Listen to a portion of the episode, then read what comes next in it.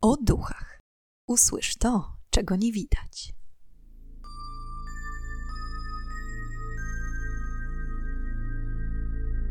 Witam i pytam, czego dusza pragnie.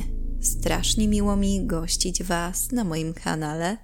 W dzisiejszym odcinku opowiem Wam historię niezwykle tajemniczego miejsca.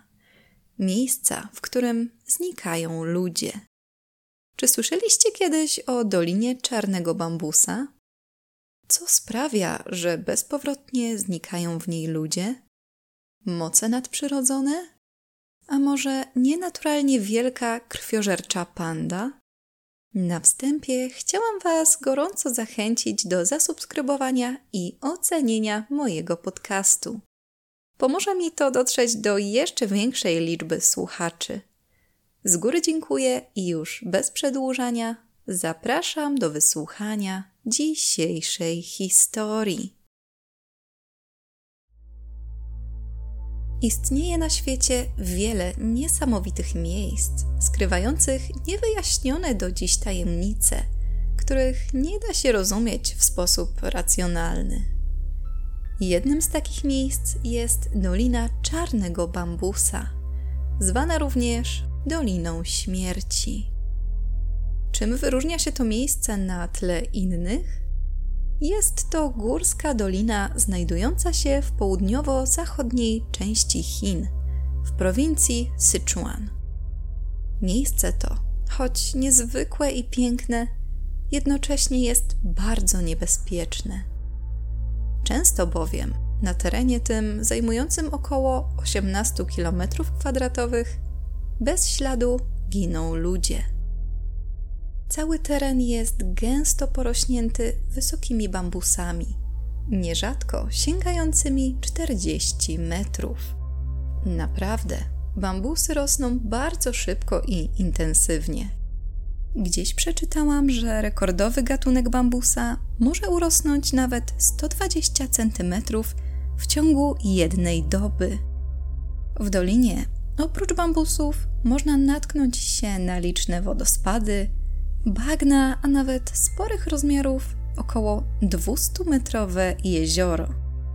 Całość przez większość czasu spowija złowieszcza mgła, tworząca się ze względu na niskie położenie doliny. I choć dolina jest podziwiana przez turystów, uznających miejsce za majestatyczne i idealne do zwiedzania, miejscowi drżą na samą myśl o przemierzaniu tamtejszych zarośli.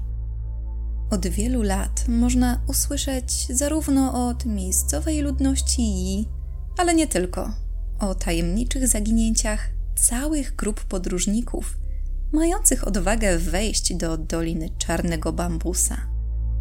I choć miejscowi w większości omijają to miejsce szerokim łukiem, nieliczni za odpowiednią opłatą zaprowadzają turystów rządnych przygód pod sam brzeg doliny.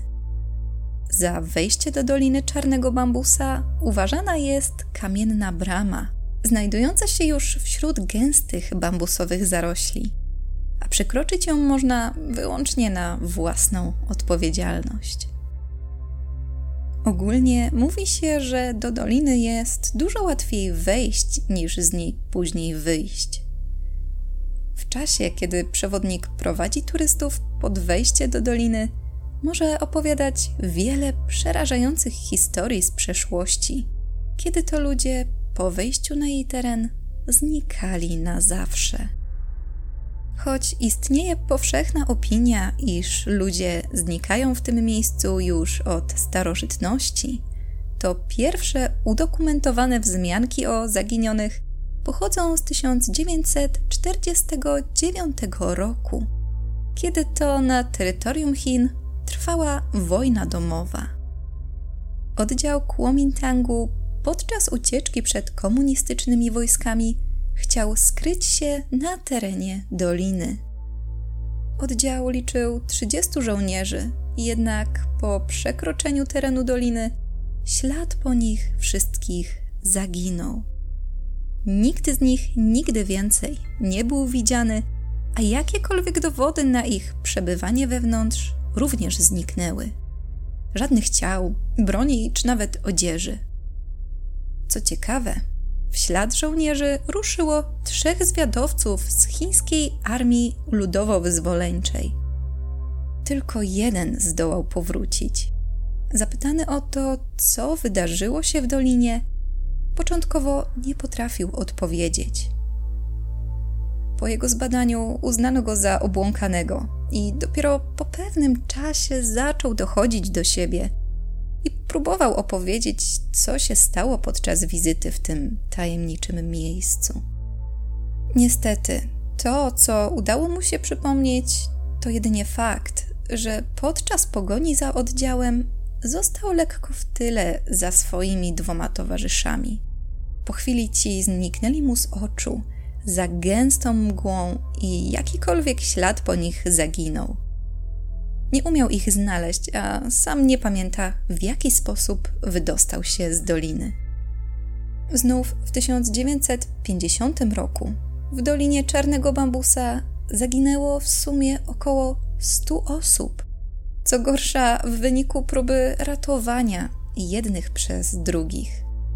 Najpierw zniknęła grupa turystów, która weszła do doliny. Następnie miejscowi, próbujący odnaleźć tę grupę, aż w końcu specjalnie powołany zespół poszukiwawczy, mający na celu odnaleźć zaginionych. Nikomu nie udało się wrócić. W tym samym roku na terenie doliny w tajemniczych okolicznościach rozbił się też samolot. Maszyna latająca nagle zaczęła spadać, mimo iż wcześniej nikt z załogi nie zgłaszał nieprawidłowości. Na terenie doliny nie znaleziono nigdy ani wraku, ani ciał, ani czarnych skrzynek. Pięć lat później, w czerwcu 1955 roku, grupa geodetów wojskowych pracowała w pobliżu Doliny Czarnego Bambusa. Podczas prac do miasta po prowiant wysłano dwóch żołnierzy i zgodnie z wcześniejszymi założeniami ich droga miała prowadzić przez dolinę. Kiedy po kilku dniach mężczyźni nie wrócili do reszty wojskowych, ci rozpoczęli poszukiwania. Dokładnie przeszukali całą trasę, jaką przemierzyli żołnierze. I nigdy nie udało się ich znaleźć, a w dolinie natrafiono jedynie na ich dwa karabiny. Znów w 1962 roku dolina ponownie zebrała swoje żniwo. Tym razem padło na grupę geologów. Wraz z przewodnikiem rozpoczęli podróż do wnętrza Doliny Czarnego Bambusa. Jak to zwykle do tej pory bywało, przewodnik zaprowadził przyjezdnych jedynie pod kamienną bramę. W tym miejscu sam został nieco z tyłu, a pozostali zaczęli kroczyć naprzód. Po chwili zarówno całą grupę, jak i będącego na tyłach przewodnika spowiła gęsta mgła. Tak gęsta, że nie widać było wyciągniętej przed siebie ręki. Przewodnik zaczął nawoływać resztę, ale mgła, jakby nasiąknięta dziwną mocą, sprawiła, że stał jak osłupiały, nie umiejąc się ruszyć ani o milimetr. Z oddali słyszał dziwne dźwięki, które wywierały na nim niesamowity strach. Nie miał pojęcia, jak długo stał w tej mgle, gdyż wydarzenie to sprawiło, że zatracił jakby poczucie czasu. Dopiero kiedy mgła opadła, mógł wrócić do swojego domu. Niestety, po geologach nie było już ani śladu. Nie odnaleziono ani ich, ani nawet ich sprzętu. Jakby zapadli się pod ziemię. Po czterech latach od tego wydarzenia, w 1966 roku, w dolinie zaginęło sześciu kartografów wojskowych których celem było skorygowanie mapy terenu. Co jednak zaskakujące, tym razem, po pewnym czasie, może zupełnym przypadkiem, ale miejscowy myśliwy, nie bojący się przechadzać po lasach na tamtym terenie, znalazł jednego z sześciu wojskowych. Mężczyzna był skrajnie wycieńczony. Miał bardzo płytki oddech. Czym prędzej zaprowadzono go do miasta i uleczono, ale sam nigdy nie był w stanie opowiedzieć, co właściwie stało się w dolinie i gdzie zniknęli jego towarzysze. Dziesięć lat później na terenie lasów doszło do kolejnych zaginięć. Tym razem grupa leśników, którzy większość życia spędzili na podobnych terenach, i mogłoby się zdawać, że powinni czuć się jak ryba w wodzie. A jednak dwójka z nich nigdy nie wróciła z doliny. Ci, którzy ocalili z wyprawy, opowiadali, podobnie jak 12 lat wcześniej przewodnik, o przedziwnej mgle, która znienacka pojawiała się dookoła. Według godziny, jaką wskazywały im zegarki, mgła utrzymywała się 20 minut. Jednak sami leśnicy byli święcie przekonani, że zjawisko ustąpiło po kilkunastu sekundach. Podobnie jak w przypadku przewodnika, mgła sprawiła, że mężczyźni stracili poczucie czasu. W czasie, kiedy mgła unosiła się wśród leśniczych, do ich uszu dochodziły przedziwne, przerażające dźwięki. Nie pamiętali, jak udało im się wrócić do miasta. Z czasem coraz więcej badaczy zjawisk, zarówno paranormalnych, ale także wszelkiego rodzaju anomaliów, zaczęło interesować się, dlaczego ludzie znikają w Dolinie Czarnego Bambusa. Jedną z większych grup badawczych, która udała się w to miejsce, była bardzo dobrze przygotowana i wyposażona grupa badaczy z Akademii Nauk Chińskiej Republiki Ludowej. I choć wszyscy wrócili z tej podróży cali i zdrowi, zagadki nie udało się rozwikłać. Znów w 1997 roku przeprowadzono jak dotąd najdokładniejsze badanie tego terenu. Zespół naukowców pod przewodnictwem uczonego Yang Yun wyruszył w dzikie tereny czarnego bambusa, spędzając tam równy miesiąc. Na miejscu badali florę i faunę, przez co doszli do wniosku, że wszystkie zaginięcia to po prostu dziwny zbieg okoliczności. Miał zatem przemawiać fakt, że na terenie lasów struktura skał jest nadzwyczaj różnorodna i złożona. Ponadto mikroklimat na terenie doliny zmienia się dynamicznie, a okresowo można też zaobserwować wydzielanie się trujących gazów wskutek gnicia niektórych gatunków drzew. Opinie na ten temat jednak są mocno podzielone.